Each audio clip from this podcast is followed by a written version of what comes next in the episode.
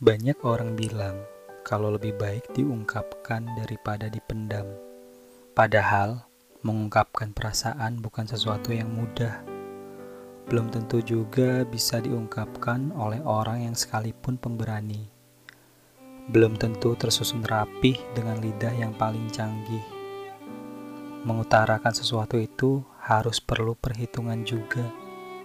Jangan sampai dia lari dan jangan sampai dia pergi. Lihat dulu sedekat apa kita sama dia dan seberapa penting kita untuknya. Tapi itu nggak menjamin perasaannya sama dengan perasaanmu.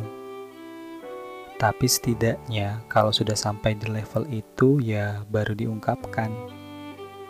Gimana kalau sudah mengungkapkan namun masih digantung oleh banyak hal? Perlu keyakinan untuk bisa bersama seseorang gak bisa langsung begitu saja diterima. Pertimbangan itu perlu untuk bagaimana kita bisa mengarungi bahtera kehidupan. Mungkin dia sedang meyakinkan dirinya, maka terus saja untuk membuktikan rasamu ke dia. Jika sudah ada bukti, maka dia bisa yakin, yakin memilihmu, yakin bisa bersamamu, yakin kamu bisa bersamanya. Namun, jika kita balik bagaimana jika dia sedang bingung menentukan dua pilihan. Misalnya, kamu sudah mengungkapkan dan dia punya rasa dengan orang lain yang juga mengungkapkan rasanya. Sabar dulu aja. Biarkan dia memilih orang yang tepat untuk hidupnya.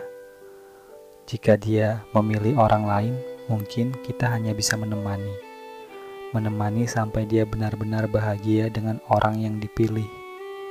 Membahagiakan orang juga bisa mendapatkan pahala kan? Dan gak sia-sia kamu menemaninya, karena kamu bisa belajar mengenali karakter dan kehidupan seseorang.